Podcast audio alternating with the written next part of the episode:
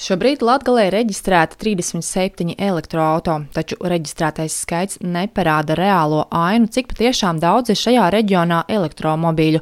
Jo, kā skaidro ceļu satiksmes drošības direkcijā, liela daļa auto tiek ņemta līzingā, līdz ar to kā auto īpašnieks reģistrēta līzinga kompānija vai banka.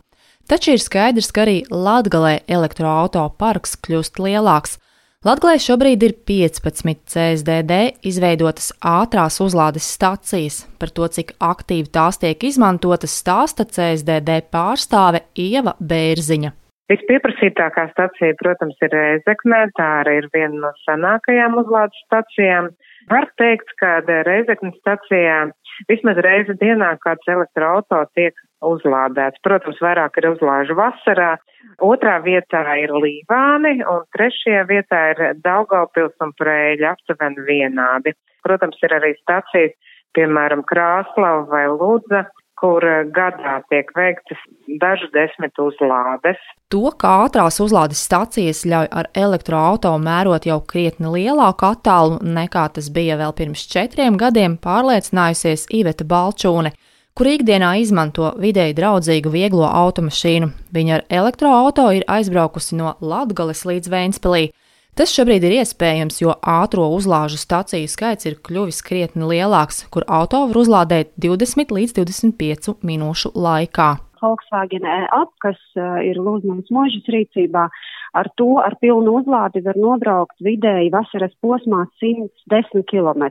Elektroauto ir Ivetas Balčonis darba mašīna Lūznavas mužā. To 2016. gadā iegādājās Reizeknas novada pašvaldība. Auto izmantošanas ziņā esot ērts, tomēr uzlādes staciju skaitam būtu jābūt vēl lielākam, un trūkums esot arī tas, ka uzlādes stacijās infrastruktūra mēdz pievilt, stāstīja Balčūne. Ziemā visbiežāk, piemēram, pie Reizeknes uzlādes, ka stacija vienkārši tu piebrauc klāt un viņa nedarbojas, un viņa pat e-mobī aplikācijā tikai tad, kad tu zvani jau konkrētajā brīdī uz tālruni, kas ir norādīts, tad e, tajā galā cilvēks mēģina no savas puses darīt, ko var un pārstartē staciju, aicina, piemēram, mani atslēgt un ieslēgt staciju. Bet es esmu triju mēnešu laikā piedzīvojis vismaz trīs situācijas, kad stacija nedarbojas, stacijai ir vajadzīgs uzlabojums, un no Rīgas uz Rēzekni tiek aicināts speciālists. Vienreiz speciālistu bija jāgaida sešas stundas, vēl citā gadījumā diennakti. Tas braucot ar elektroautorātu rada stresu, ko darīt šādās situācijās. Ceļu satiksmes drošības direkcijas pārstāve Ieva Bērziņa atzīst, ka tehniskas problēmas mēdz būt, taču tās nesot bieži. Latvijas tirgu ienāk aizvien jauni elektroauto un, protams, arī ar atšķirīgākiem uzlādes mehānismiem un varbūt kāda no šiem mašīnām ir īpaši jāpielāgo mūsu uzlādes tīklam.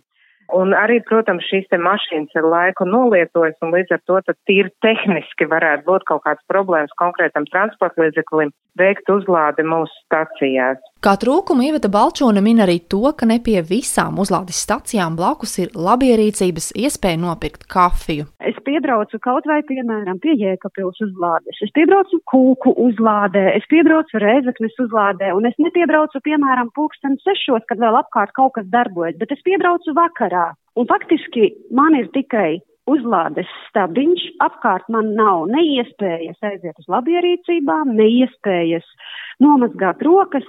Pie tam ziemā pilna uzlāde prasa nevis 20 minūtes, bet jau 45 minūtes un pat vairāk. Elektroauto darba vajadzībām izmanto arī Daugopils Universitāte. Projekta ietvaros universitāte pirms septiņiem gadiem iegādājās četrus šādus auto.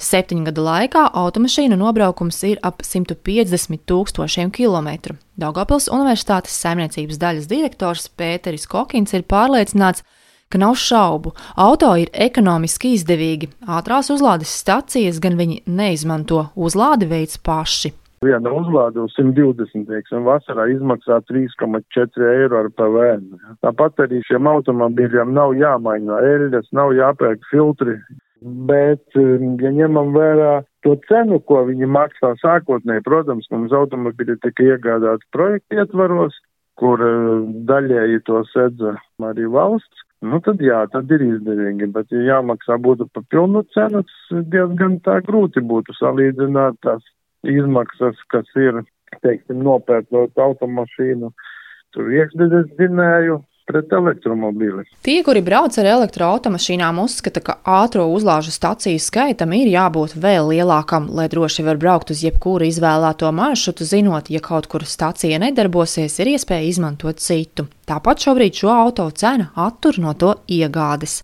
Lāsma Zotvītola Latvijas radio studijā Latgalē.